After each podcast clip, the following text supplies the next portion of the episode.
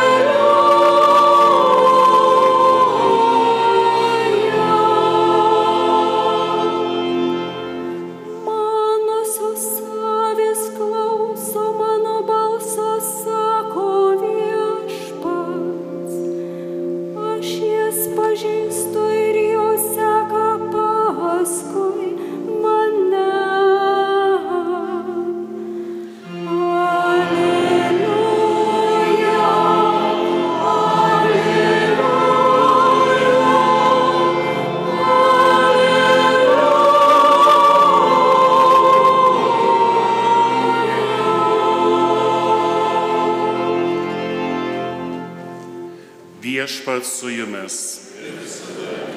Iš Ventosios Evangelijos pagal Joną.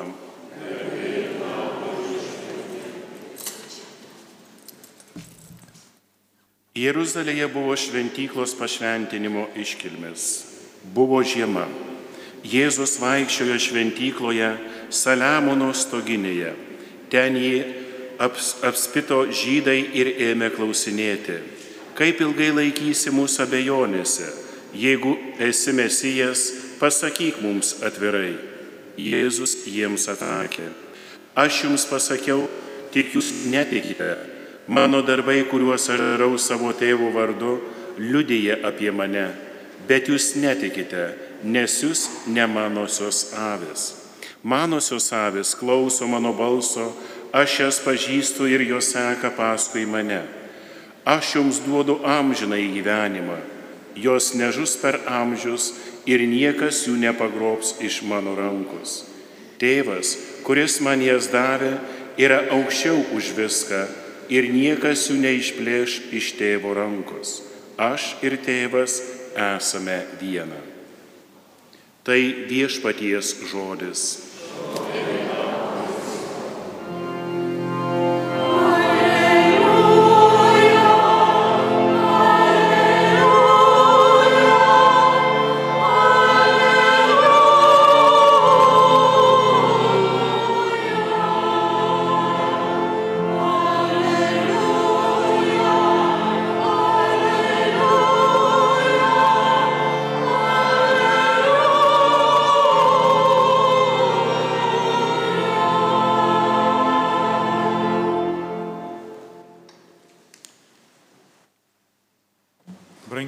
Prieš keletą dienų šventėme gerojo ganytojo sekmadienį, o ir šios dienos Evangelijos ištrauka yra tarsi sekmadienio aidas. Prieš mūsų akis stovi tas vaizdas, kaip piemuo neša ant savo pečių paklydusią avį. Ir tai yra vienas ankstyviausių Kristaus vaizdavimų atrandamų ir katakombų tapyboje, ir net skulptūrose. Kogi sužavėjo ankstyvuosius krikščionis Kristus gerasis ganytojas. Visų pirma, tame nebuvo jokios egzotikos, bet akivaizdi kasdienybė, nes daugelis gyventojų vertėsi gyvulininkiste, ganė vis, todėl kas kart reikėdavo rūpintis ganyklomis, ieškoti vandens upelio bandai pagirdyti ir galvoti, kur ir kaip išmaitinti didžiulę bandą. Piemenis saugodavo bandą nuo plėšrūnų ir leisdavosi ieškoti paklydusių avių. Laimingas tas šeimininkas, kuris turėdavo patikimą piemenį. Nors Evangelijos skelbimo pradžia glaudžiai susijusi su žvėjais, iš kurių tarpo Kristus pašaukė paštalus, Tačiau Jėzui buvo labai gerai pažįstamas ir piemenų gyvenimas. Juk negalime pamiršti, kad pirmieji gimusio viešpatės pasveikinti atbėgo būtent piemenėliai. Grįžkime vėl prie Evangelijos. Jėzus sako, manosios avis klauso mano balso. Kažkada teko lankyti šventojoje žemėje ir matyti, kad ir šiandien ten taip pat gano bandas, piemenis, ganytojai, kaip tai darė ir Jėzaus laikais. Ir būna taip, kuomet gena banda į nakvynės vietą, į tam tikrus tvartus, avis kelių šeimininkų, kelių bandų taip ima ir susimaišo. Ir kas įvyksta? Kaip jas atskirti? Visos avis atrodo tokios vienodos, tuomet kiekvienas iš ganytojų šaukia, kas pučia ragą, kas dudelę groja, kas garsiai šaukia ir įsivaizduokite, kad tie atrodytų neprotingi gyvulėliai, jie atpažįsta savo ganytojo balsą ir kiekvienas iš jų eina paskui savo ganytoją. Dėl to netgi Lietuvoje piemenėliai turėdavo lumsdėlius, dudeles, pusdavo ragus tam, kad atskirtų savasias avis, savo kaimenę nuo kitų. Kristus sako, manosios avis klauso mano balso. Ir šiandien, brangiai visuomenėje, labai daug įvairiausių balsų. Visi tik kviečia, užeikit pas mus, kas pasilinksminimams, kas kokiems kitoms linksmybėms, daug reklamų, daug įvairiausių vilionių, kaip nepasimesti ir kaip tarp šitų daugelio balsų tikrai mums išgirsti ir girdėti Jėzaus, gerojo ganytojo balsą. Štai prieš keletą dienų popiežius Pranciškus pasidalino žinia, kaip Dievas jį prakalbino. Popiežius savo žinioje rašo, taip man nutiko 1953 metais rugsėjo 21 dieną, kai pakeliui į kasmetinę studentų šventę pajutau poreikį užeiti į bažnyčią ir atlikti išpažinti. Ši diena pakeitė mano gyvenimą ir tebe ženklina jį lygi šiandien. Brangieji, popiežius tuomet jau jaunas buvo, maždaug jūsų amžiaus, moksleivis, galbūt studentas, jo pavardė Bergolijo ir jis ėjo į tam tikrą pasilinksminimų vakarą. Bet atdaros bažnyčios duris kunigas sėdintis klausykloje paskatino jį prieiti iš pažinties. Po tos išpažinties jo gyvenime kažkas pasikeitė.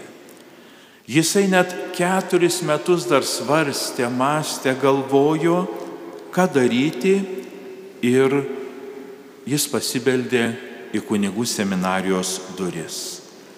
Taigi matote, kaip išpažintis pakeitė žmogaus gyvenimą. Prieš keletą metų man teko klausytis lietuvio misionieriaus buvusio Randoje kunigo Hermano Šulco pasidalinimą.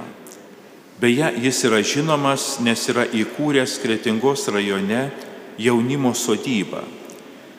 Kai jo paklausė, kaip jam atrodo, kai kokia priežastis, kad šiandieninėje Lietuvoje jauni žmonės nepasirenka kunigystės ar vienuolystės. Į tai misionierius atsakė, tai tragedija, kad jauni žmonės nenori aukotis dėl kitų, nes tapti kunigu ar vienuoliu tai visų pirma auka dėl kitų žmonių, kad galėtum į žmonių gyvenimus atnešti Dievą. Šie misionieriaus žodžiai puikiai paaiškina, ką reiškia išeiti iš savęs. Tai yra palikti nuo šalyje savo egoizmą, eiti imti savanorystės ir tarnauti kitiems. Ant vieno antkapio mačiau tokį užrašą. Neždamas laimę kitiems, atradau ją pats. Kaip tai brangiai yra panašu į šios dienos skaitinį iš apaštalų darbų. Ten sakoma, kad išblaškyti į persekiojimo nukeliavo į Fenikiją, Kiprą ir Antijochiją. Jie skelbė žodį, viešpaties ranka buvo su jais gausų žmonių skaičius įtikėjo ir atsivertė į viešpatį. Taigi iki tol tikintieji gyveno vienoje bendruomenėje Jeruzalėje. Bet po to, kai prasidėjo persikėjimai, atrodo persikėjimai, na, blogas dalykas, nemalonus, kai tave veja, gina, e, kažkur tai tau reikia slapstytis. Bet žiūrėkit, kokia malonė. Persekėjimai išblaškė tikinčiuosius ir jie apsigyveno kitose miestuose. Kas Fenikijoje, kas Kiprė, kas Antijochijoje, kitose vietovėse ir ten paskleidė tikėjimą. Jie ten atnešė žinę, Evangelijos žinę ir žmonių skaičius, tikinčiųjų skaičius labai padidėjo. Taigi mums atrodo, kaip blogai, kad yra persikėjimai. Bet štai dėl tų persikėjimų tikinčiųjų skaičius tik augo, tik plėtėsi. O tai reiškia, kad nebijokime ir neskubėkime spręsti, jeigu mūsų gyvenime atsiranda kažkoks sunkumas. Gal tas sunkumas yra pagal Dievo valią, mus užgrūdinti, mums išbandyti. Ir tas sunkumas mums taps didžiulę malonę nes Dievas netgi didžiausią blogį geba paversti į gėrį. Esame Žemaičių kalvarijos bazilikoje, maloningoje vietoje, nes šešimtai tūkstančių žmonių per visą bazilikos gyvavimo istoriją meldėsi, aukojosi, už kitus meldė ir patyrė daug malonių. Mėly jaunuoliai, kurie šiemet ruošiatės, rengiatės priimti sutvirtinimo sakramentą. Mokslo metai eina į pabaigą. Taip pat ir pasiruošimas sutvirtinimo sakramentui eina į pabaigą. Tad paveskime žemaičių kalvarijos Marijai, šeimų karalieniai, savo gyvenimą, kad jį jūs vestų, globotų ir, ir kad pasaulio triukšme mokytų atpažinti Kristaus, gerojo ganytojo balsą. Amen.